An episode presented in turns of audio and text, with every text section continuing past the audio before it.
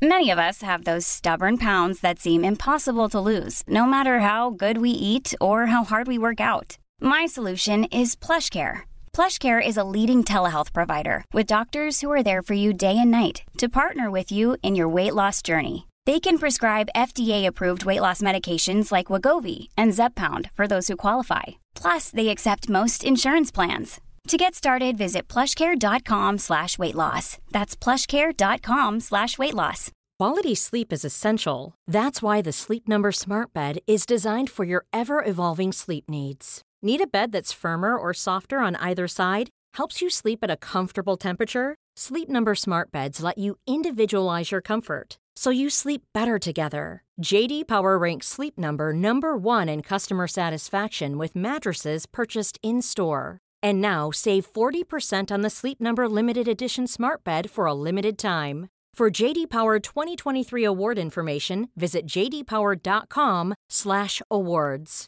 Only at Sleep Number stores or sleepnumber.com.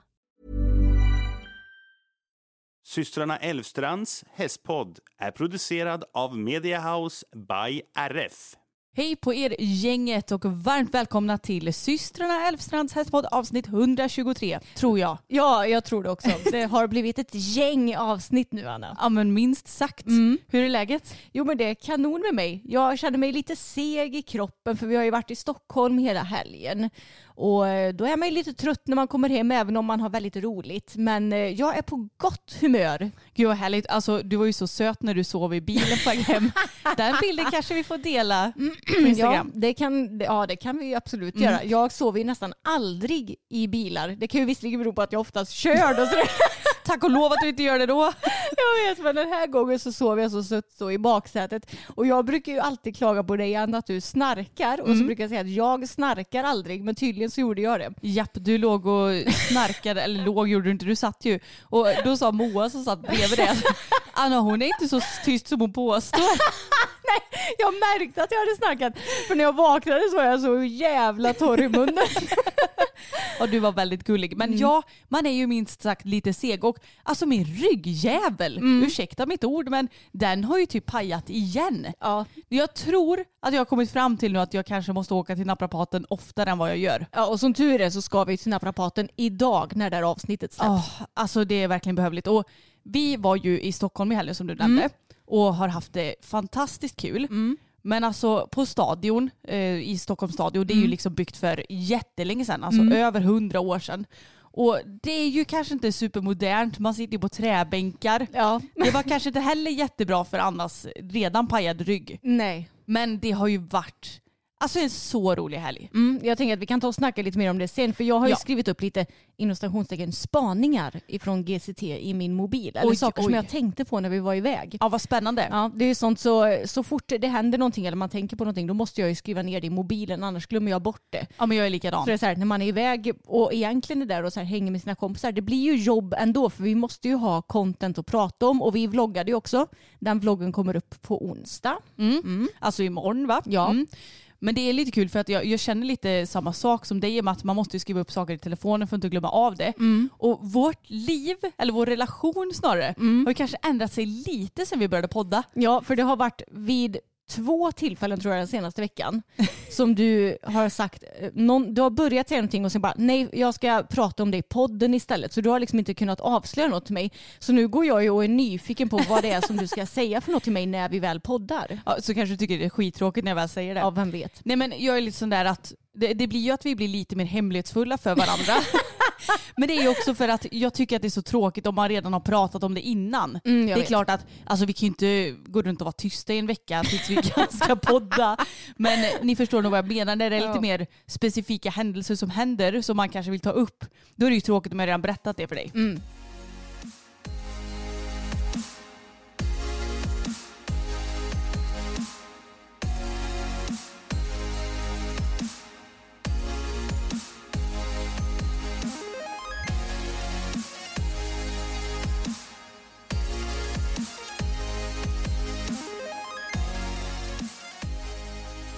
Okej men jag tar och river av det första här på en gång då. Är det det som du skulle säga eller som du sa idag till mig? Mm, ja. Det är det.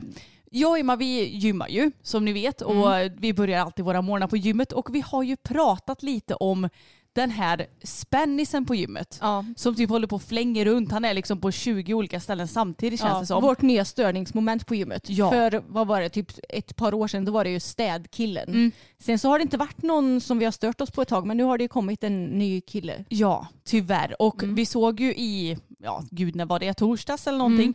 att eh, han stod ju och pratade med en eh, kvinna i typ, eh, alltså minst en halvtimme. Ja. De fortsatte ju prata när vi var klara på Ja. gymmet så de kanske fortsatte att prata även efter det. Mm. Och jag såg ju hur han liksom, ja men gör så här med vikterna och la la la. Och hon verkade ju ja, men tycka att det var toppen för då stod vi och pratade hur länge som helst. Mm. Så idag då, jag har ju väldigt ont i ryggen så att jag fick ta ett väldigt lätt pass på gymmet och Mm. jag hade kört lite så här axelövningar och så tänkte jag att jag kan köra lite latsdrag. Mm. Och det är när man drar en alltså valfri grej egentligen, stång eller någon sån här lite tätare handtag Mm. mot sitt bröst kan man säga så att man tränar rygg och de här flysen, jag vet inte vad det heter på Ja. svenska. Ja, men vid sidan av ryggen och ja, egentligen typ hela ryggen skulle jag Ja, säga. det är en väldigt bra allövning. Ja, även ar- lite armar och sådär. Mm. Så då hade jag det här smala handtaget, vet. Det ser ut som två trianglar som sitter ihop med varandra. Och då hade jag det åt det hållet som jag tycker ser liksom lämpligt ut. Mm. Och så sitter jag där och har precis kört ett set. Så kommer han fram till mig.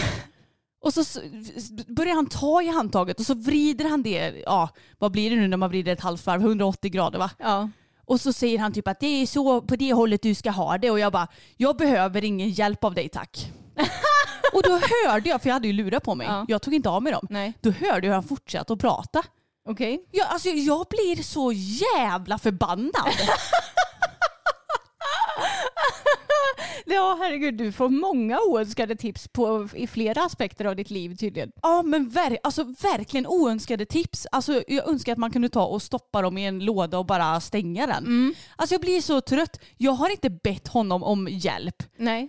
Jag blir så, ja, alltså människor som typ tar sig friheten till att tro att de är bäst på precis allt. Jag fixar inte sånt. Nej. Det är en grej om jag frågar, du har du koll på vilket håll man ska ha den här på? Precis. Och sen är det inte så att jag bara, ja men om du har den på ena hållet, ja men då, då jäklar kan du träna din rygg. Mm, men om du vänder den 180 grader, nej men då kan du skada dig. Det är Nej, inte exakt. så det är liksom. Exakt. Så att alltså jag blev så frustrerad så jag bara, åh gud, ja, nej jag, jag sket ju honom att han höll på att fortsätta att köta så jag vet ju inte vad han sa för jag hade, Men alltså hur länge stod han och försökte prata med dig efter att du det dissade var inte honom? jättelänge.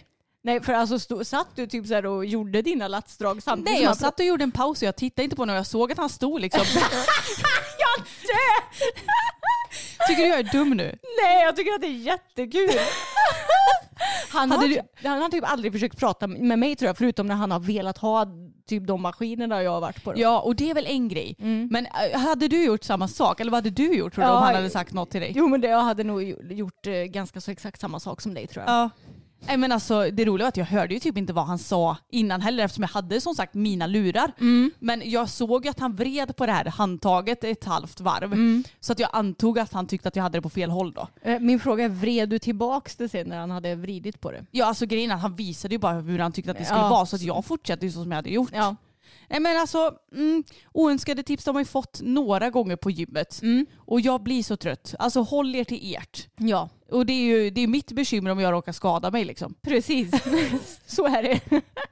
ja, men annars ska vi ta och eh, kanske bocka av lite helgen i Stockholm och GCT-snacket tänker jag. Det tänker jag. Ja, alltså för det första så måste vi ju säga hej till alla som vi träffade på, Ja, men- i, i Stockholm. Det är ju så roligt och jag vet att många säger att ah, men det känns lite konstigt att säga hej till er för att ni har ju ingen aning om vem jag är men jag vet ju vem ni är för att vi har, ja, men följer er så mycket. Och vi tycker ju bara att det är så himla roligt. Ja, jättekul. Och det är så många som kommer fram varje gång som vi är iväg på sådana här eh, hästshower. Alla är så himla snälla och gulliga och vi blir så glada av allt beröm när det kommer till både YouTube och podden och Instagram och allt vad det nu är. Ja verkligen. Och vi träffade, jag tror, våra första norska följare IRL. Mm, det gjorde vi. Och vi vet ju att de lyssnar på den här podden. Så vi säger hej till er. Ja. Hej! och tack för att ni sprider vår podd i Norge också. Ja men det, det känns helt fantastiskt. Jag blev Ja. nästan så här bara, skojar du med mig? För att det var så kul när de kom fram. Jag blev så här, herregud har jag fått någon form av stroke nu? Eller kan inte jag svenska? Sen när det hade gått en liten stund till så bara, det är norska, det är därför. Gud Mm. vad bra, jag har inte fått någon stroke. Nej, exakt. Så det var väldigt kul. Och ifall vi inte hade förstått så hade vi kunnat ha vår kompis Moa som översättare för hon har ju bott i Oslo. Ja, i typ fem och ett halvt år eller vad är Ja, det? så hon har nog lite mer koll på norska än oss. Ja, det var så kul när Mm. hon eh, var klar med sin veterinärutbildning för att hon pratade ju i princip norska. Mm. Och när hon inte pratade norska ord så hade hon ändå den här norska sången när hon pratade svenska. Mm. Det är väldigt gulligt. Ja, det är det. Men eh, ja, jag fattar nog norska ganska bra skulle jag säga. Du, det beror på vart de kommer Ja, jo, ifrån. det beror verkligen på. Är de högt uppifrån Ja. då det går icke. Nej, det går inte. Nej. Det, det är visserligen sant. Det känns som att norska har också väldigt många olika dialekter, precis som i Sverige. Ja, men det känns ju lite konstigt att alltså, vi som svenskar ändå Mm. förstår de som kommer lite mer söderifrån. Mm. Eller kanske mitten av Norge till och med. Mm. Men så fort de kommer högre upp ifrån så bara vad är, alltså har ingen aning om vad de säger för det känns som att de har så olika ord. Mm. Men så kanske inte är, det är bara vi som uppfattar det så. Det är samma med danska, Man, det är ju också väldigt olika dialekter. Extremt. Mm. Men det, är- det är kul med dialekter och det är kul att träffa våra fina följare. Men okej Anna, jag har skrivit upp några spaningar kan man säga ifrån eh, Stockholm och Global Champions Tour. Och för det första ska vi liksom säga lite hur vädret var. Det var ju typ växlande molnighet, ändå ganska så varmt, runt 20 grader skulle jag säga. Lite blåsigt ibland men det var ofta sol och ibland var det lite moln. Men om jag hade ridit i det vädret så hade jag ridit i ja, men ridbyxor eller ridtights och en tunn tröja. Skulle du agree med det? Ja men det håller jag med om. Men då när man tittar på framhoppningen, för de hade ju framhoppningen inne typ vid mässan. Mm. Då ser man ju folk som rider fram i typ dunjacka. Jag såg det. Mm. Jag blev så här, herregud, nog för att det var ju ändå skugga där. Ja. Så att det är klart att det var ju lite kallare än i stekande solen. Mm. Men de måste ju varit så sjukt varma eller? Och jag känner att rider man i dunjacka i juni, alltså vad tusan rider man i på vintern? ja, men man har ju tre overaller på sig eller? ja, och sen så förstår jag att ja, det är många som kommer ifrån liksom olika länder och de kanske inte riktigt är vana vid den här kylan. Men alltså för mig som är svensk så känns det liksom helt orimligt att rida i dunjacka i juni. Jo men jag tänker också att om du och jag skulle åka till, säg Spanien eller någonting. Ja. Då ligger vi ju ute och steker i solen när de går in och har siesta för att de tycker att det är helt galet att vi är ute och pressar i solen. Mm. Men det är ju för att vi inte är vana vid det. Och det är samma, alltså om vi typ badar när vi är utomlands när det är lite vinterhalvår. De Mm. bara, är ni helt sjuka? Ja, jo. Nu kan man inte bada, det är för kallt. Mm. Precis. Nej, men jag, jag tyckte att det var intressant att se för jag själv är ju en väldigt frösen person egentligen. Mm. Men när jag rör på mig så blir jag lätt varm. Så på vintern eh, ja, men i stallet till exempel så brukar jag ju vara väldigt kall kanske när man ja, men kanske grejar och står ganska still. Men så fort jag rider så blir jag ändå varm. Mm. Och jag rider ju liksom inte ens i dunjacka på vintern.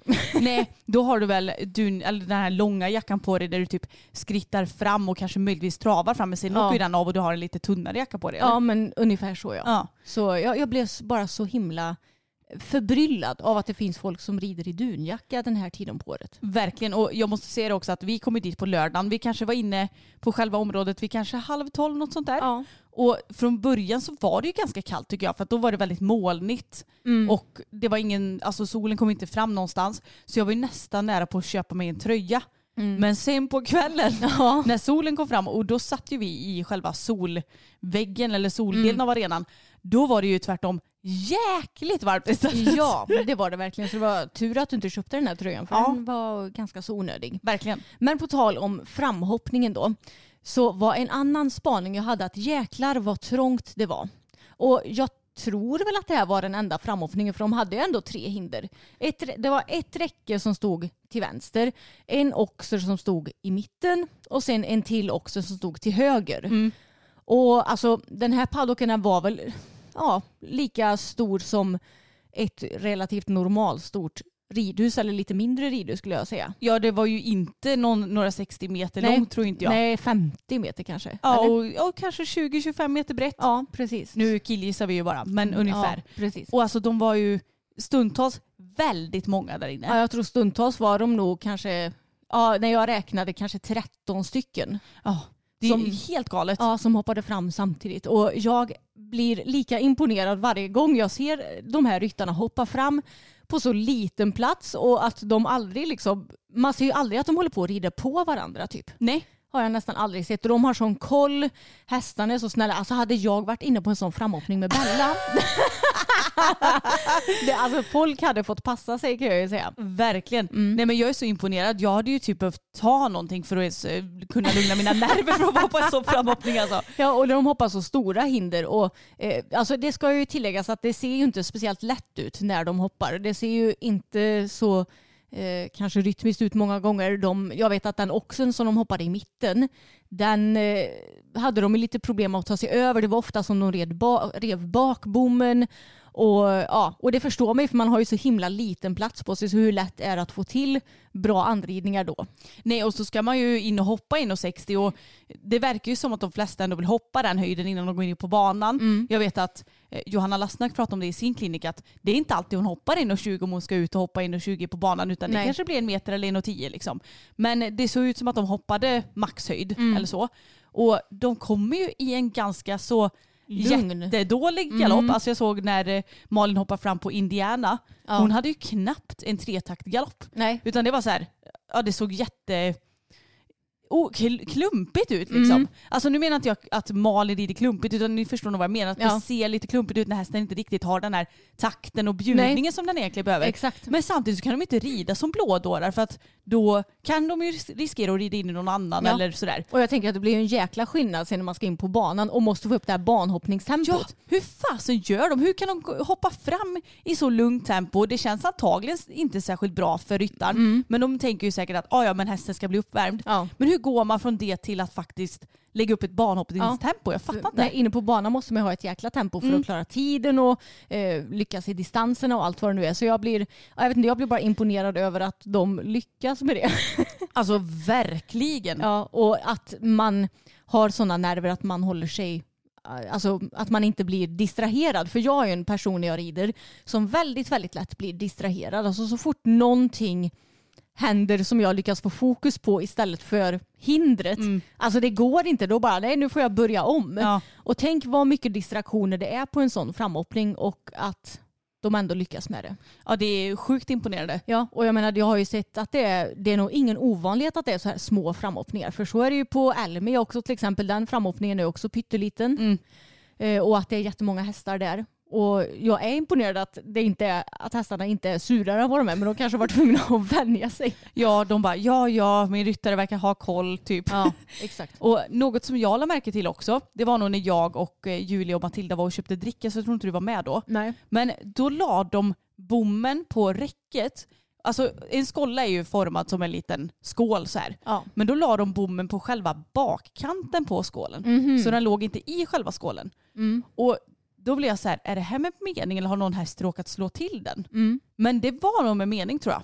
Ja. Antagligen för att de vill att om hästen touchar i så ska den riva och sen bli lite försiktigare. ja, exakt. Så det var också lite intressant att se att de ändå har lite metoder. Mm. Det här var ju, alltså jag tänker så här, jag är ju emot all form av barrering. Mm. Men det här är ju ändå en bra metod för det kanske kan få hästen att vara lite försiktigare på ett extremt snällt sätt. Det är inte någonting som skadar Nej hästen, liksom. exakt. Men det var ju ändå intressant att se att de försöker att få hästarna lite försiktigare. Mm, Liksom. Precis. Och sen inne på banan då så såg vi ju ett par GCT-tävlingar. Mm. Och i den ena klassen, eller egentligen i båda klasserna så hade de ju en, det var ett plank va? Ja det var ett plank som var väldigt, det satt ju ihop helt och hållet så det Mm. var ju egentligen som en mur men det var ju lika smalt som en plank så det Ja. vill säga ja, men fem centimeter smalt. Ja. Och det var ju väldigt dekorerat, det var ju som ett norrsken så här Mm. i många olika färger. Ja, det var superfint. Och det sjuka var att i den första klassen som vi såg, va? eh, då var det ju två stycken ryttare som flög av på det hindret på ja, nästan samma sätt och att hästarna drog av sig tränset. Ja och sen galopperade iväg över Ja. halva banan. Exakt. Och någonting som jag reflekterade över där det var att när du flyger av och får av dig tränset och har martingall och förbyge som tränset sitter fast i då lossar ju inte tränset utan det hängde ju där mellan eh, benen och liksom drogs med. Så hästen blev väl stressad av det. Den hade ju kunnat fastna i det också vilket hade kunnat orsaka ganska så rejäl skada skulle jag tro. Så det är ju också en grej som jag insåg att ja, det är ju fasen en rätt stor risk att rida med förebyggel slash martingall och sätta fast tränset i det. Ja men faktiskt och det är ingenting som jag tänkt på innan heller. Nej. Men nu blir det så tydligt när två ryttare gjorde på exakt samma sätt. Mm. Och det, det är inte så, de hade ju inte kunnat göra något annat för att alltså, det blev ju verkligen missförstånd till det här hindret och Mm. de åkte av, om ni vet, verkligen gjorde nästan som en kullerbytta av. Ja exakt. Så tyglarna åkte ju med. Det hade ju kanske varit lite mer safe om tyglarna stannat kvar på hästens hals men de Mm. hängde ju också och slängde. Ja. Så ja, det borde ju finnas något sätt att fixa en martingall som ändå känner av trycket att oj nu, nu är det inte som det ska vara och att Mm. de typ släpper. ja. Jag vet inte. Det kanske är ännu en eh, affärsidé.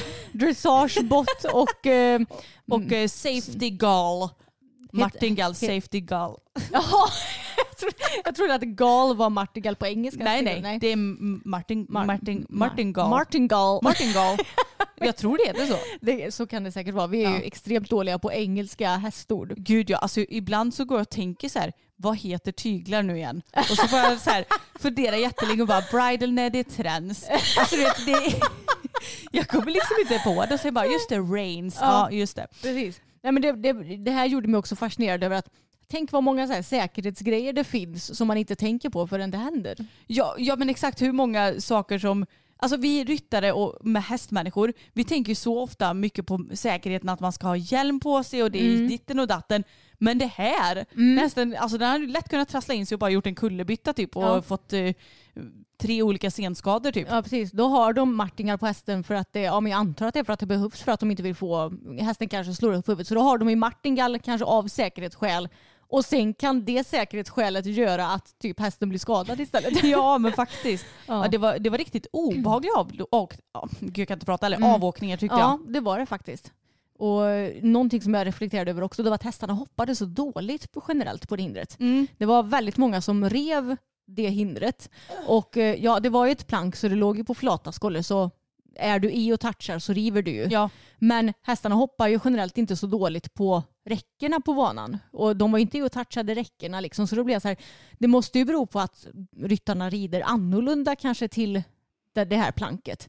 Man såg ju det att de eh, bästa ryttarna rev ju det planket, i, alltså inte alls lika mycket som de som startade kanske i början av klassen. Mm. Så det är nog lite rutinsak också att man inte får ändra för mycket i sin ridning för då blir hästarna, men va, vad händer nu? Och så kanske man tappar galoppen om, ja men man såg många ryttare i början som, red, som red att de blev lite plockiga och skulle typ lägga till ett extra språng. Jag tänker det är bättre att man fortsätter i samma rytm som på resten av hindren. ja och det är ju något som såklart är väldigt lätt att säga men inte lika lätt att faktiskt utöva. Nej, exakt så är det ju verkligen. Men det, jag tycker ändå det är kul att se att även ryttare på den nivån har ju såklart mm, svårigheter som de behöver jobba med. Ja och de har ju säkert hjärnspöken de med. Garanterat. Och nu till min sista spaning när det kommer till ridningen på GCT.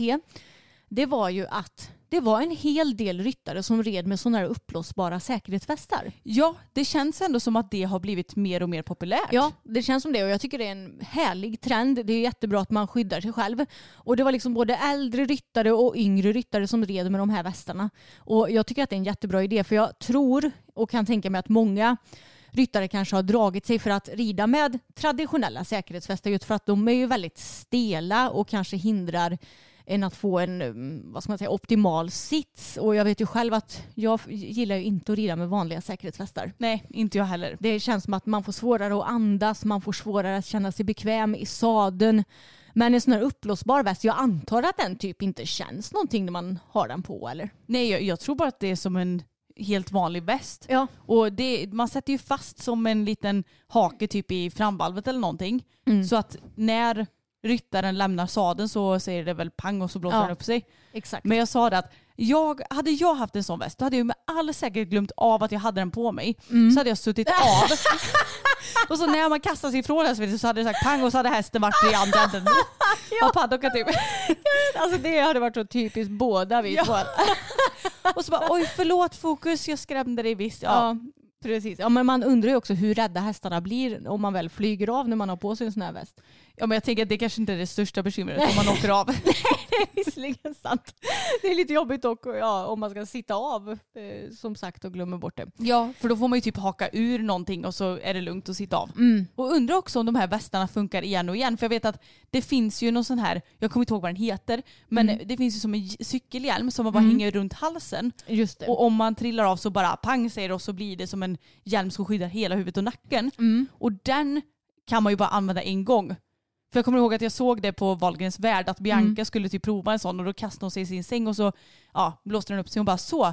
Eh, men nu så kan jag veckla ihop den här igen. Eller så bara nej den är förbrukad. Ja. Så och man får ju hoppas att det inte är så för ridvästar för jag tycker Ja. att de kanske är ganska dyra också. Eh, ja, antagligen. Men alltså jag hade helt klart föredragit en sån här väst framför en vanlig väst om jag hade köpt någon. Mm. Är du sugen på att investera i en sån? Nej, men alltså man borde egentligen göra det för sin egen säkerhets skull. Vi, vi blir ju inte yngre Nej. om man säger så. så eh, alltså, ju äldre du blir desto svårare har ju kroppen att läka ifall du skadar dig. Mm.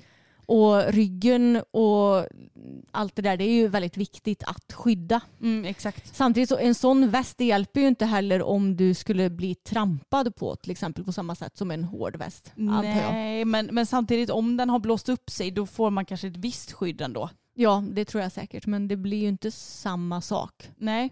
Vi kanske får göra en liten research kring de här eh, västarna och, Ja och se om det är något för oss. precis och alltså om vi ska hoppa någon terräng i framtiden om då måste vi ju ha någon sorts väst. Ja och då räcker kanske inte en sån väst tror jag inte. Nej, jag, Då ska det nog vara en hård tror jag. jag tror det. Är det inte många som kombinerar en hård väst med en uppblåsbar väst i terrängen? Jo men det är det nog. Mm. Det måste ju vara det optimala skyddet tänker jag. Ja men då, alltså gud tänk att gå, tänk om du och jag går från ingen väst till både hård väst plus sån där. Vi hade känt oss som en Michelin-gubbe typ. Ja, exakt. Och alltså, jag tycker det är väldigt skönt att rida vårhästar för de är ju trygga och jag litar på dem. Men olyckor kan ju alltid ske. Ja. Man kan klanta sig när man rider an ett hinder till exempel. Gud ja. Mm. Händer det allt för ofta? Eller så kanske hästen hoppar lite för bra, alltså det vet man ju inte heller. Nej. Och man tappar balansen så det är ju jättebra att rida med västar. Och Jag tycker det är kul att de här större ryttarna eh, ja, men gör det så att eh, fler kan få upp ögonen för så, den här nya moderna säkerhetstekniken. Ja, och det är ändå kul att du tar upp det här med säkerhetsvästar för att vi får ju ofta frågor att varför rider inte ni med väst och la la la och Ja. det är ju alltså Ja, det är ju krasst så att vi tycker att det är väldigt obekvämt och Ja. det är ju inte ett, eh, en vettig eh, anledning egentligen. För jag menar, hade vi bara "Ah, vi tycker det är så obekvämt med hjälm. Ja. Det hade ju aldrig kommit på frågan utan det, det tar man ju på sig oavsett. Precis. Men ja, Men jag tror också, vi är ju den här generationen som typ precis missade den här regeln att du måste ha väst fram tills att du är 18. Du kanske var tvungen att ha det något år. Japp. Men jag behövde aldrig ha det.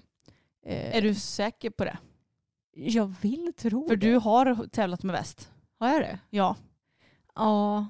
Ja men, ja men det kanske var... fast det kanske var valfritt. Ja jag tror snarare att det var valfritt och att kanske mamma och pappa ville att vi skulle ha det. Ja, jag vet inte. Men det var ju inte, alltså jag tänker att unga som börjar rida idag det är mycket mer naturligt för dem kanske att de börjar rida med säkerhetsväst med en gång. Jo. Det gjorde ju inte vi när vi började rida till exempel. Nej just det, det var Ja. något vi skaffade senare. Ja, då hade inte vi någon säkerhetsväst. Och sen har det ju bara blivit att vi slutade med det när vi var 18 typ. Men jag tror ju tyvärr det är lite så att man längtar ju till den dagen man fyller 18 eller Mm. året man fyller 19 snarare kanske. Ja. Så att man kan slippa den där västen. Precis. Och det är, ju, det är ju så. Men ja, vi kanske får ta och kika på en sån där. Mm, det hade varit intressant. Nej, men det har varit superkul och det har ju framförallt varit väldigt häftigt att se Global Champions Tour i verkligheten tycker jag. Verkligen. Och vi såg ju när Peder och Malin vann också. Mm. När de vann eh, Champions League. Ja. Och jag, fatt, alltså, jag fattar inte riktigt de här tävlingarna. Är det Mm. nå- något specifikt för varje tävling att de kör så här Champions League eller var det bara nu i Stockholm? Vet du det? Nej, jag tror vid varje Global Champions Tour så har de väl en lagtävling och en individuell tävling. Ja, just det. Och i den individuella tävlingen kommer ju Henrik tvåa Mm. som vi såg. Med 1100 delar. Från, det var ju lite surt för han red ju så fint. Verkligen. Och Christian Ahlman vann ju och jag är ju inget fan av honom. Nej, men samtidigt så tror jag inte att Henrik hade kunnat göra Nej, något annat för att han gjorde verkligen en helt klockren runda. Ja. Och satsade ju på, han tog ju bort ett galoppsprång Mm. i ett relaterat avstånd. Mm. Alltså ursäkta men hur vågar man göra det på den nivån? Jag vågar knappt göra det när det är 90 centimeter liksom. Ja men King Edward är ju Ja, alltså, den är helt underbar. min drömhäst. Nej, så, så kul att det gick bra för honom också. Även om jag hade verkligen unnat honom den segern men han var säkert jättenöjd med en andra plats också. Ja det får man väl tro. Mm. Men eh, känner du för att åka tillbaka nästa år? Det skulle jag absolut kunna tänka mig att göra. Mm. Och om vi ska prata lite om mässan då, Anna, så var ju den betydligt mindre än på till exempel GHS. Mm. Även betydligt mindre än i Falsterbo. Men jag tyckte ändå att det var en bra mässa det som var där skulle jag säga. Ja men jag tycker också det fanns liksom lite av varje. Mm. Det fanns lite trends, handskar, ridkläder, sadlar till och med som man Mm. kände sig för att spontanköpa en sadel för 34 000 så kunde man ju göra det. Precis. Så det fanns ju lite av varje. Ja. Det var ett väldigt mysigt ställe och bra mat på, på vad heter det, området. Mm. Dock jäkligt dyrt Ja, förstås. alltså ännu dyrare än vad det brukar vara i Falsterbo och Göteborg. Alltså mycket dyrare. Vad, vad, vad var det jag betalade för en tof, eller två tofu bowls och två drickor Plus och, två kakor. och två kakor. Alltså det var typ nästan 500 spänn. Alltså två stycken sådana här, ja men typ chocolate chip cookies Mm. som var kanske 10 cm diameter. Mm. Kanske lite lite större. Ja. De kostar 40 kronor styck. Alltså det är helt galet. Men det är ju så det är och då, man vet ju att man måste ju äta. Och ja, det är ju smidigast att äta på området så det är klart att de kan ta betalt. Mm, det kan de göra.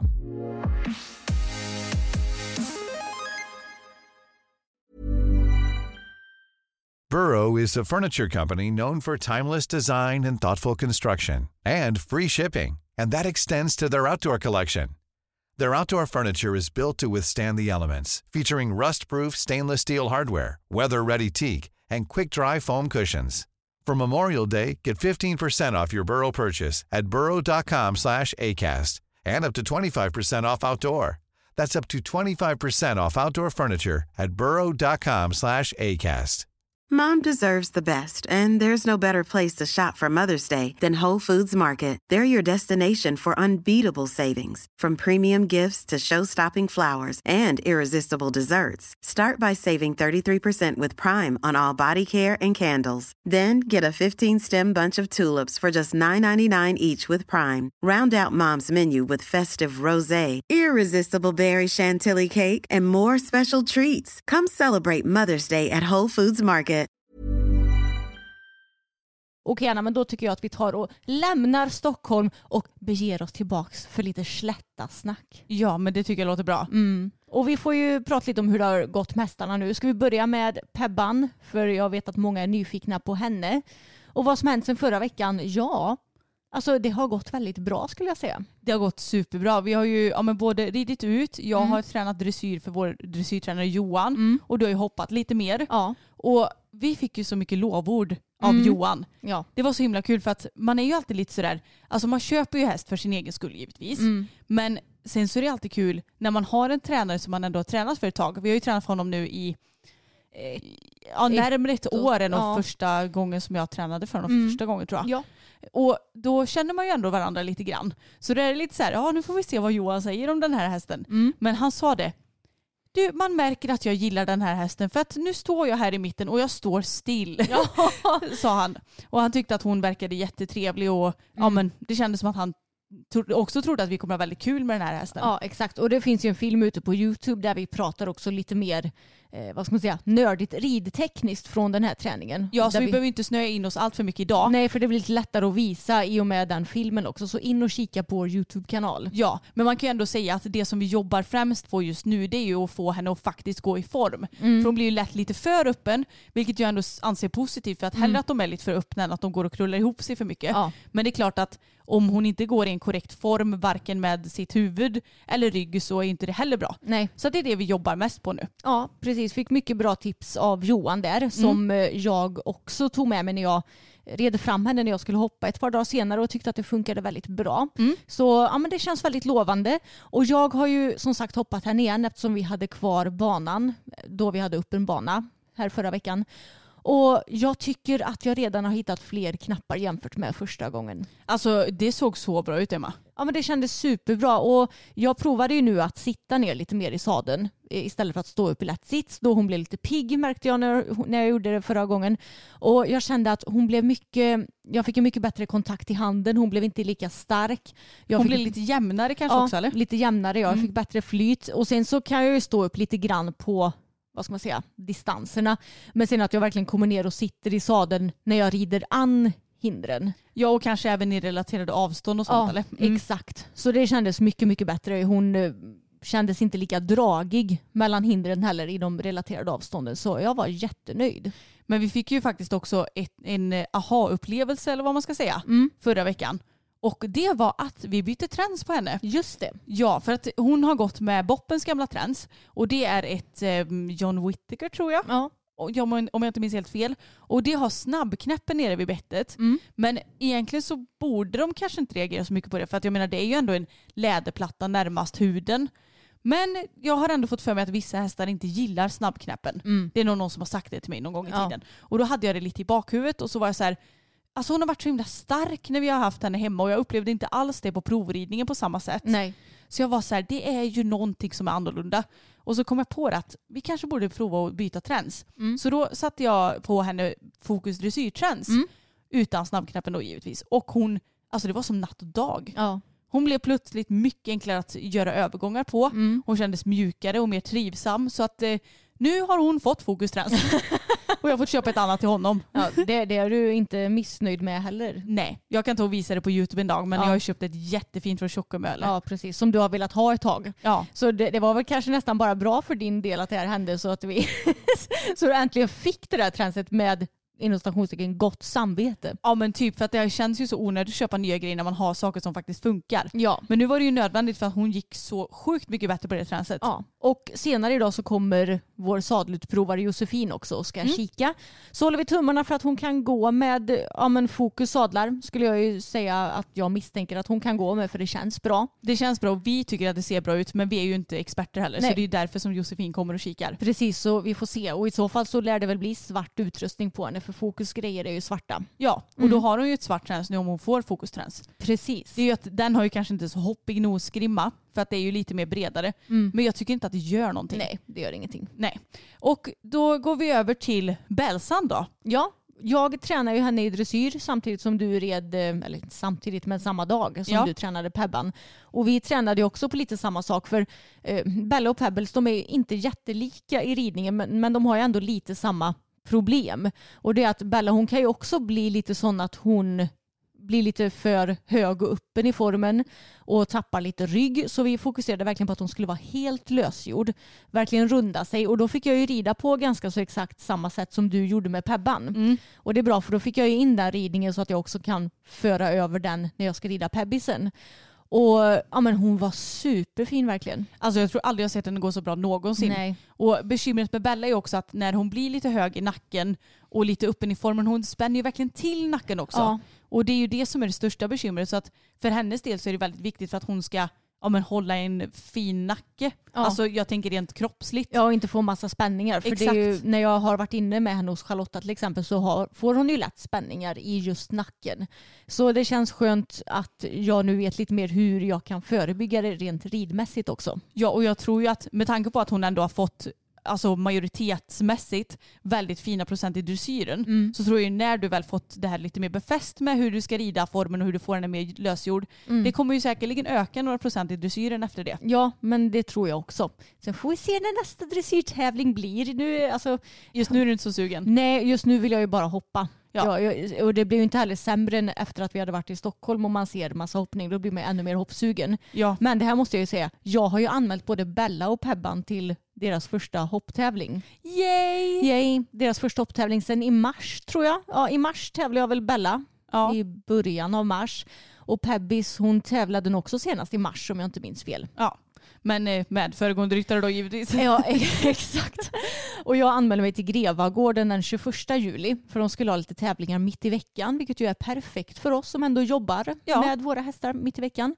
Kanske man kan vara lite ledig den helgen för en gångs skull. Eller hur? Mm. Så då anmälde jag mig och båda hästarna till 90 cm A0 plus A0. Och jag sa det att alltså det är över en månad kvar tills alltså jag kommer nog tycka att 90 cm är jättelågt. Men samtidigt så har inte jag heller tävlat sedan mars. Hästarna har inte tävlat sedan mars.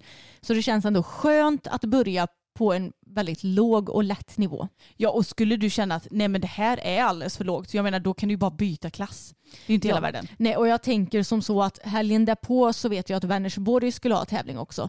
Så då anmäler jag mig nog till en meter på båda hästarna dit istället. Mm. Så värmer jag upp lite helgen innan med 90 och sen så kör vi en meter. Ja, men jag tycker det är en bra plan. Ja, och det roliga var att jag såg att Vänersborg skulle ha en meter bedömning A0. Det vill säga att det är som en tidshoppning kan man ju säga. Mm. Och det är ju nästan aldrig bedömning A0 i så låga klasser. Det brukar ju snarare vara från 1,10 eller kanske oftast 1,20 till och med. Ja men väldigt kul. Det kanske vi ska ta till oss och ha på ridklubben. Ja men jag tycker att det är roligt. Ja. Och jag har ju aldrig någonsin ridit en bedömning A0 och när man rider A0 plus A0, alltså att det är första grundomgång och sen omhoppning, då är man ju så här, det är lugnt och fint i grundomgången. Men sen så kommer ju, vad ska man säga, adrenalinet igång och när man ska börja rida omhoppningen så att man taggar till sådär. Och jag känner så här, undrar, om det, undrar hur det blir när man ska rida en bedömning A0 för då känns det som att då måste man ju vara liksom så här, ja nu kör vi redan från början och att man ska hålla igång det hela banan. Sen så vet ju inte jag hur snabbt jag kommer rida, i synnerhet kanske inte på Pebble som jag inte känner så bra än. Men det är ändå kul och någonting som jag känner att jag skulle vilja göra oftare. Ja men det blir ju ändå en liten ny utmaning kan man ju säga. Ja men precis. Och jag hoppade ju Bella även när du hoppade Pebbles. Och pappa hjälpte oss från marken och Mm. alltså jag fick en så mycket bättre känsla den här gången. Mm. Det känns som att jag kom in lite mer i ridningen och vi hoppade ju en bana på typ 80 cm den här gången också. Ja. Och hon var så fin. Alltså jag kände att vi kom till bra på alla hinder. Mm. Det var så gött för att eh, förra gången så kände jag mig lite mer så här. Ja, vet inte riktigt hur jag ska rida. Ja, det löser sig väl ändå. Men nu känner jag mig lite mer så här. Mm. Japp, den här galoppen blir bra. Ja, men jag sa det att du kanske ska följa med till vad blir det, Grevagården också hoppa 80 på Bella. Ja, men kanske. Mm. Det hade ju varit kul. Jag tänkte att då får vi anmäla oss nu typ för att den tävlingen är ju typ full redan. Ja, jag kan ju anmäla mig så och jag, får jag inte lust att hoppa så kan vi bara avanmäla oss. Nej liksom. men exakt för det har ju gått väldigt bra nu när du hoppat Bella och jag menar för hennes del spelar det ingen roll om hon hoppar en eller två klasser. Nej, det är och- så lågt ändå för henne. Ja, och det är ju mer, alltså anledningen att vi inte rider två klasser det är ju snarare för vår egen skull. Precis. För att vi gillar inte att ladda om. Nej. Så det är inte för hästarnas skull att vi bara, gud det blir för mycket med 80 och 90 för så är det ju absolut Nej inte. och sen så är det inte så att vi sitter på några spända hästar heller. Nej. Utan de behöver ju inte en förklass för att slappna av till exempel utan de är ju lugna redan från start. Liksom. Och jag har ju insett det med fokus att han behöver ingen förklass heller för han undrar bara vad fasen han skulle hoppa en Ja, klass till för när jag gjorde det sist. Så det, våra hästar går väldigt bra med bara en start om dagen också. Ja. Och om vi då ska gå över till fokus när vi ändå snackar om honom. Mm. Alltså, vad har jag för häst eller? ja. Han är så fin! Han har vilat sig i form. Verkligen! Mm. Han känns så otroligt fin och jag hoppade ju första gången i onsdags var det va? Mm. Och han var så duktig. Jag trodde att han skulle vara spänd men han var han har nog aldrig varit så avslappnad någonsin hemma i paddocken. Nej, och någon, någon som inte var så avslappnad då, det var du Anna. Ja men jag vet men det sitter ju så i bakhuvudet hans gamla trauman och Mm. att det har varit väldigt svårt att hoppa honom. Det är det väl delvis fortfarande säkert. Och det är så tråkigt för att jag känner bara kan, kan mitt huvud bara lämna det bakom sig men det är inte så lätt alla Nej, gånger. fokus bara, men vad är det du håller på med? Ja. uppe kändes det som att han tyckte, för för hans del så var det ju hur säkert som helst och han körde ju bara. Ja. Och sen var det du som satt där uppe och bromsade och tvekade eh, ett tag. Men sen när du hoppade sista banan så gick det jättebra. Då gick det bra. Då var det som att jag bara skärp dig nu för ah, ah. och då gick det hur bra som helst. Mm. Han skötte ju sig galant och jag gjorde lite bytesträning också i fredags måste det Ja. ha varit. Och det var inte så lätt för då hade vi hindren framme så det var inte så att vi hade några jättebra linjer att träna på för jag Nej. ville ju göra det snett igenom. Men ändå så gjorde han ju några jätte, jättefina byten. Mm. Och det blev också bättre och bättre. För i början så var det så här, ja men han bytte före i fram som man brukar göra. Mm. Och sen när han hade gjort det så blev det att han blev lite stampig. Han bytte Ja. rent men att han blev liksom, lite kort i bakre. Men sen mot slutet så fick du till ett par riktigt fina och rena byten och då avslutade vi efter det. Mm, exakt. Och jag har insett det lite, eller det såg jag nu när jag såg filmen när vi hoppade banan, att han krånglar inte till det lika mycket när han byter i hoppningen heller. Nej. Alltså det kan ju såklart vara orena byten där. Men han gör det ändå inte. För förut så kunde han nästan studsa till när han bytte Mm. galopp. Men nu bara han gör det. Mm. Och jag tänker att det är också ett framsteg. Även om jag ju såklart vill att vi ska byta rent oftare än vad vi gör. Mm. Men det kommer nog och jag tänker att nu kan vi nog öka upp den träningen lite igen. Absolut. Så jag är så glad och tacksam. Mm. Och Tage har ju gått mestadels uteritter den här veckan också. Mm. Så jag tänker att idag så ska han nog få gå lite dressyr för att vi vill ju såklart underhålla det också så att han inte blir helt borta från det. Men jag, du skuttar ju jag, lite. Ja, jag tänkte säga jag skuttade lite med honom innan vi åkte till Stockholm och han var skitpigg och glad. Ja, han är så söt och ni är så gulliga ihop också. Ja, det var faktiskt väldigt roligt. Men alltså, vi måste ju dra lite veckans Hans nu också, Anna. Mm. Och för det första så måste vi bara säga att vi ska ju försöka få pappa att hoppa fokus den här veckan. Mm. Mm, det ska bli väldigt intressant att se för han har ju tjötat nu ett bra tag om att han vill hoppa fokus och fokus han är så lätt att hoppa så det kan ju jag göra.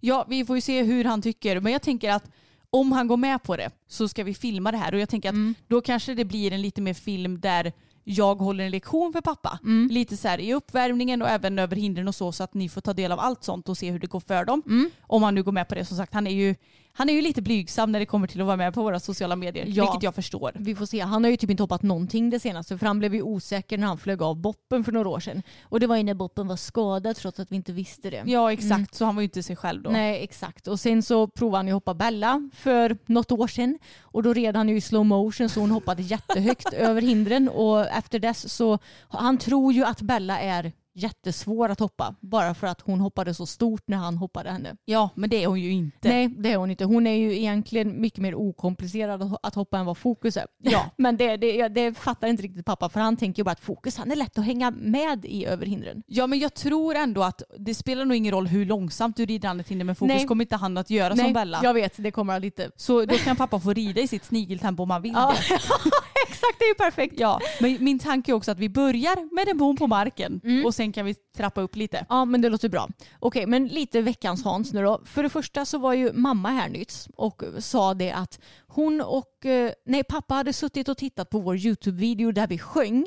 För vi la upp en stallvlogg för typ någon vecka sedan där vi bland annat sjunger lite stämsång i stallet. Vi fick lite feeling. Vi fick lite feeling, la upp lite stämsång och har fått jättemånga gulliga kommentarer om vår sång. Ja, Alltså det här är så kul för att jag, jag har ju ändå gått i stet och har ju uppträtt lite i, på skolscenen. Ja. Men jag känner mig inte alls bekväm att sjunga längre för jag tycker inte att jag sjunger särskilt bra. Mm. Jag sjunger inte dåligt men jag, vi har ju sagt det förut. Vi kanske inte sjunger så dåligt men vi har ingen fantastisk sångröst heller. Nej, jag brukar tycka slash tänka att du och jag, alltså vi är ju bra på att ta toner, vi är musikaliska. Mm. Men jag tycker ju kanske inte att någon av oss har liksom den vackraste rösten jag har skådat. Exakt. Nej. Men vi fick så mycket fina kommentarer så då blir man ju ändå lite mer så här, åh men gud tack och får Ja. lite mer typ trygghet i att man ändå kan sjunga lite grann. Ja exakt, vi tycker ju att det är väldigt kul att sjunga. Ja. Men eh, ja, då fick vi vissa kommentarer som undrade om vi inte skulle kombinera hästarna med musiken och typ uppträda på horse shows och sådär. Och Nej det är nog inte riktigt vår comfort zone att göra det kan man ju säga. Nej, det, det känns som att eh, då hade nervös eh, nivån varit i ungefär i stil med att jag ska hoppa fram med 13 olika ekipage Ja. inne på det lilla arenan Och då hade, då hade rösten skärt sig så att Oh. det hade låtit för jävligt. Nej, så det är nog inte något för oss. Men i alla fall, då tittade pappa på den här videon och så hade mamma liksom gått fram och kollat vad han gjorde. Och då hade han sagt men jag undrar vem de har fått det där musikaliska ifrån. Eller, Eller sångrösten. Jag undrar vem de har fått sin sångröst ifrån. Och då sa mamma, ja det är inte du i alla fall. För ni ska veta att pappa, jag har aldrig någonsin varit med om en människa som sjunger sämre än vad han gör. Nej men typ inte jag heller. Men mamma hade ju faktiskt sagt, ja men det är nog från mig. Ja, Sa hon. japp. Mm. Och mamma är ju musikalisk Ja. tilläggas. Och då sa pappa, men du sjunger väl inte så bra du heller? Eller vad var han sa? Exakt det sa Han syftade väl till sig själv då. Ja, att han kanske inte sjunger så bra men det gör väl inte hon heller. Typ. Ja exakt, så där var han lite dissig mot Ja. mamma. Mm. Och mamma sa det att hon kan ju ta toner. Det är väl lite som med oss. Hon kan också ta toner men hon tycker inte att hon har den vackraste sångrösten heller. Nej, så vi har väl lite samma åsikter om Ja. det. Men det är ändå kul att pappa undrar vem vi har fått ifrån. Ja, det är ganska självklart tycker jag vem vi har fått vår musikaliska sida ifrån. Mm, han har ju varken takt eller tonkänsla. så. Verkligen inte. Eh, ja, och sen så har ju hade ju jag lite konflikt med pappa då förra veckan. Och i vilket sammanhang? Jo, såklart när vi skulle rida ut. För det är liksom 95 procent av alla vad ska man säga, tjafs och sånt där vi har med pappa. Det har med utritter att göra. Ja. Och då skulle jag, pappa och Jessica, vår medryttare, rida ut på, nu ska vi se, Tage, Bella och Pebban. ja, för jag hade ju samma dag ridit ut på fokus tidigare på dagen. För att vi hade egentligen kommit överens om att vi skulle rida ut alla samtidigt. Men jag har ju kommit fram till att jag har en liten rädsla. Och det är att rida ut, ja, men jag, jag skulle nog säga att tre går bra, tre ekipage går bra. Men fyra tycker jag blir obehagligt. ja, men alltså, ju fler desto mer kan hästarna trigga upp varandra och bli Jo. busiga och, och hålla på och bocka och ha sig. Alltså, Jag är lite rädd för det, jag får Ja. erkänna det faktiskt. Ja, men jag får säga att nu när vi var tre stycken och skötte sig väldigt bra. Ja. Det är klart att ibland var det någon som var lite mesig, då fick en annan häst gå före. Så att alla tre hästarna gick först under någon eh, gång på utritten. och det började ju som så att jag skulle ju rida först på Bella egentligen. Men hon har varit så jävla jobbig, ursäkta ordspråket, men förra veckan. För då har hon varit så jävla mesig när vi har ridit ut och stannat och krånglat och hjälp och om man har fått henne att gå först, ja hon har gått först men då har hon liksom tagit något liksom språng rätt upp i luften som man har studsat upp och ner i sadeln och tittat på allting så ja, hon har lite sådana perioder när det blir så helt enkelt. Mm. Och då red jag först med henne i början och då blev hon jätterädd för någonting och studsade till och ja, men hon var allmänt spänd. Och pappas standardfras så fort någon häst tittar till eller rycker till för någonting det är vad blev han rädd för där? Eller vad blev hon rädd för där? Och alltså det finns inget som stör mig så mycket som när han håller på och frågar vad hästarna blev rädda för. För hur fan ska jag kunna veta det? Men alltså, jag, jag tycker nästan det är ännu värre när han frågar vad hände där eller? Ja, vad hände där eller? Ja, för att då är det så här, jo hästen blev rädd. Ja, för vad då? Bara, Mm. Men jag vet inte. Nej, det alltså, var liksom... Fokus blev rädd för en fjäril i paddocken häromdagen. Det kan ju vara något så litet som de blir rädda för. Ja, och Bella blev ju typ inte rädd för någonting heller när hon Nej. ryckte till. Och sen så tvärnitade hon och eh, vägrade gå på grusvägen för då hade hon sett en cyklist längre bort som cyklade så då hade hon bara hjälp! Så då, och då försökte jag liksom så här, ja men pappa jag ska prova och se om jag kan få henne att gå först. Men då ska han ju alltid så här, han är så jävla hetsig Ja. så då ska han liksom gå först med typ taget trots att jag har sagt att lugn, Vänta. vänta. Alltså han är verkligen hetsarnas hetspelle när vi rider ut. Och det här har ju verkligen hänt 20 000 gånger när jag har ridit fokus och under alla de åren som Mm. han var väldigt, väldigt krånglig. Alltså Fokus hade ju verkligen de värsta två världar. Han ville inte gå först för att det var läskigt men han kunde heller inte gå tvåa för då bockade han typ av en. Ja exakt. Så man bara, vad bra. Då, då var jag också så hetsig pappa att han skulle ju före med Tage Ja. så fort Fokus typ stannade. Bara, man bara, jag får inte ens försöka. Nej exakt. Och pappa han vill ju också bestämma hela tiden vad man ska göra när man rider ut. Och, Ja, då ropar han galopp. ja, eller så gör han inte det utan bara galopperar iväg. Det är Ja. också en standard för hans del. Nej men då bestämde vi att vi skulle rida en lite längre runda den här gången också. Och jag tänkte att ja, den här rundan kommer nog inte vara så lätt att rida. För jag hade ridit den typ ja, men, i sen somras, höstas. Och det är- var redan då jävligt mycket vegetation kan jag säga. För den här rundan red vi en del när vi hade hästarna uppstallade på sommarbete hyfsat i närheten av oss. Och då gick det bra att rida där. Men sen har det ju vuxit sig jäkligt vilt. Så när vi kom en bit då var det liksom typ helt igenväxt. Så hästarna ville ju inte gå igenom där för det var ju som att gå igenom liksom en stor alltså, grön vägg. Liksom. Ja, de vågade inte. Nej, så då fick pappa hoppa av Tage och gå förbi eh, liksom den här väggen av grönt. Sen när vi kom ut där så kommer man ner i en liten dal och vad har hänt då? Jo, då är det ett stort träd som har vält som ligger över den här lilla stigen och det var liksom typ två meter högt så det var inte så att om vi hoppar Åh över. gud, var det ett så stort träd? Ja, för det låg liksom i dalen eller vad man ska säga, så den låg ju liksom lite en bit Upphöjt ö- också. Ah. Upphöjt ja. Eh, Så man kan tänka sig som så att stigen vi gick på var liksom längst ner. Sen var det som en stor skogsvägg som gick uppåt på båda sidorna. Mm. Ni fattar. Eh, ja, och då tänkte vi, ah, vad tusan ska vi göra? Nu ska vi behöva vända om.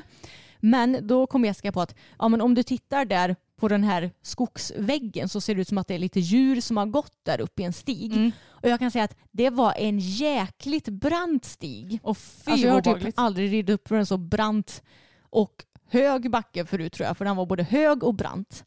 Och jag tänkte bara, åh herregud, hur ska det här gå tillväga? Jag satt ju på Bella som väger liksom typ 700 kilo. Jag kände, kommer marken att hålla för henne och hon kan, kommer hon vara liksom tillräckligt smidig?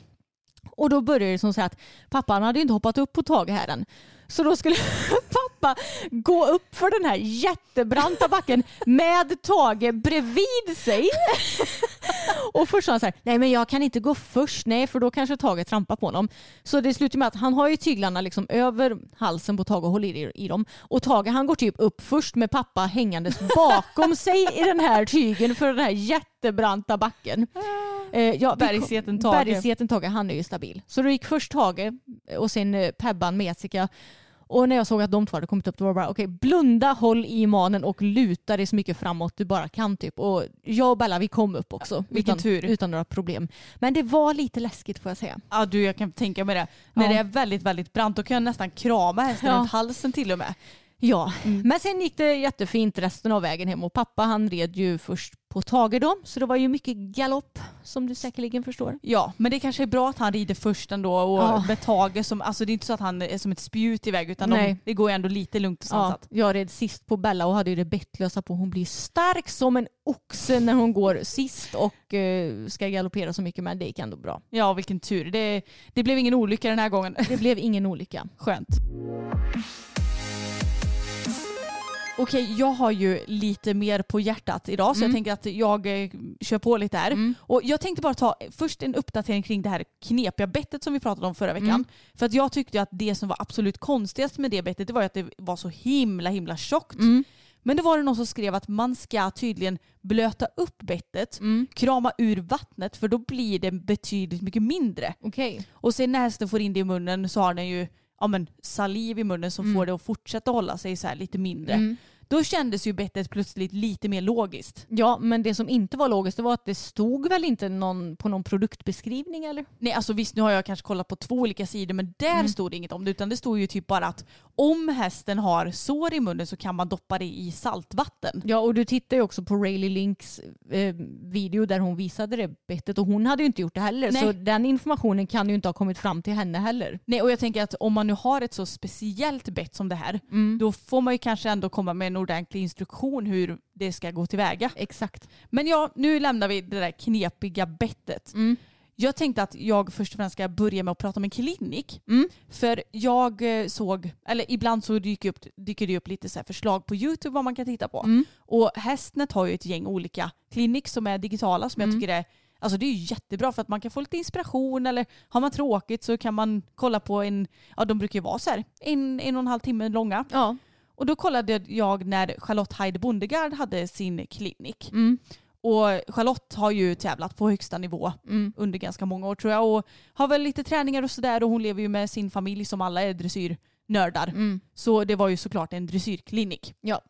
Och då så fick man se i den här kliniken när hennes, jag vet inte om det var beridare Mm. eller typ unghästperson Mm. eh, red dels en, gud, du kommer inte ihåg om det var en tre eller fyraåring, men det var ju en väldigt ung häst i Ja. alla fall.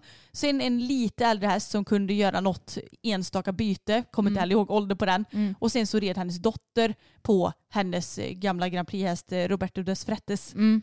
eh, och visade liksom allt det svåra. Och det, jag har liksom inget att säga om kliniken. De pratade mycket om att variera formen och att de kanske egentligen inte rider så mycket rörelse med sina hästar utan kan hästen så kan hästen. Ibland så tränar man för att försöka förbättra rörelserna men det som var huvudfokus var egentligen att få hästen lösgjord och avspänd. Ja. Så ja men det var liksom det. Men en grej som jag inte förstår som jag vill diskutera med dig Emma. Det är att Charlotte pratade om att eh, ja, men jag vill inte gärna ställa hästen så mycket inåt. Okej. Utan ja, men typ om hon rider, säg att man rider längs fyrkantsspåret med hästen så, så säger hon att ja, men jag vill inte ställa hästen så mycket inåt. Men däremot så tänker jag ganachen in, sa hon. Eh, gan, då känns det ju, ganachen, då känns det som att hästen ska lägga huvudet lite på sned när jag tänker ganachen in, eller? Ja fast ganachen sitter ju ändå mitt på huvudet så att ska hela ganachen in så blir det att hästen viker in hela huvudet. Det vill säga att den ställer. Ja. För hon sa också det att ja men jag tänker när man ser hästens nos, eh, näsborre heter det visst, No, så är det ganska lagom. Jag bara ursäkta men vad är skillnaden mellan att ställa hästen i nacken versus att ha ganachen in? För det låter som exakt samma sak för mig. ja, det är sant. Hon Mm. pratade också lite om att hon ville att den skulle gå i någon form av lite lättare öppna.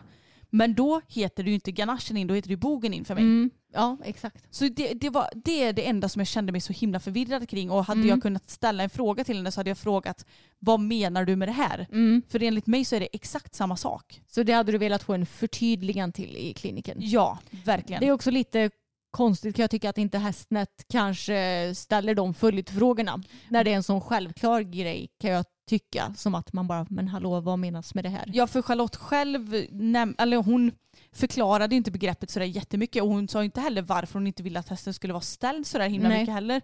Så det lämnade en del frågetecken faktiskt. Eh, Jag tyckte att det var lite intressant och förvirrande. Ganachen in. Nej, jag, jag fattar ingenting heller. Nej, det kanske är någon av våra lyssnare som vet vad hon menar. Då finns vi ju i systrarna Elfstrands hästpodd eftersnacksgrupp på Facebook. Mm. Eller så finns vi på Instagram. Ni kan ju kommentera senaste inlägget. Mm. Ja, Det det, hade varit intressant att veta. Ja, för det, det är inte så att jag bara, åh hon tänker helt fel. För att jag, jag fattar inte vad hon menar bara. Nej, exakt. Mm. Sen så har vi fått ett eh, litet, vad ska man säga, lyssnarbrev. Mm. Och det här handlar lite om, ja men det är egentligen en varning kring vad man kan få vara med om Mm. när man annonserar lite på så här, ja men Hästnet till exempel som vi ändå har pratat om nu i och med kliniken. Mm. Och det är Matilda som har skrivit till oss. Mm. Och jag tänker att jag läser upp det meddelande som hon har skrivit till oss. Mm. Hej! Tänkte att detta kan vara nyttigt att ta upp i er fantastiska podd. Vi lever i en sjuk värld där man som kvinna nästan aldrig kan känna sig säker. Det fick jag uppleva för några månader sedan. Jag la för några månader sedan upp en annons på Hästnet angående att jag sökte häst att ha på foder under en längre tid. Jag fick snabbt många svar och var helt överlycklig. När jag hade hittat min häst så hade jag helt glömt bort att annonsen var kvar på sidan och annonsen innehöll både min mail och mitt nummer så att man kunde kontakta mig, vilket jag inte tyckte var några som helst problem eftersom jag publicerade inlägget på plattformen i sök om häst. En kväll så ringde det på okänt nummer och jag svarade då en vän till mig brukar ringa på okänt. Jag svarar och mannen på andra sidan luren pratade om ett jobb i ett stall som ligger i närheten. Jag tyckte att det lät lite mysko då jag sökte upp adress och liknande men hittade inte något stall. Till slut så frågade mannen om min civila status. Om jag hade pojkvän, familj, om jag bodde hemma och om jag var oskuld. Jag blev helt i chock och sa att han inte hade något med det att göra och la sedan på luren. I flera veckors tid efteråt så ringde denna man. Han berättade mitt personnummer utan till, vart jag bodde, vad mitt för-, mellan och efternamn var, vad hela min familj heter, vart jag går i skolan. Allt. Han visste allt om mig. Jag hade alltså fått en stalker genom Hästnet. Jag svarar aldrig på dolt nummer längre och får alltid en klump i magen så fort någon ringer på dolt. Så otroligt oroväckande att man inte kan lägga ut en annons på en plattform för hästmänniskor utan att snuskgubbar ska vara i farten. Vill skicka ut ett varningens tecken om detta. Det är så viktigt att ta upp. Herregud.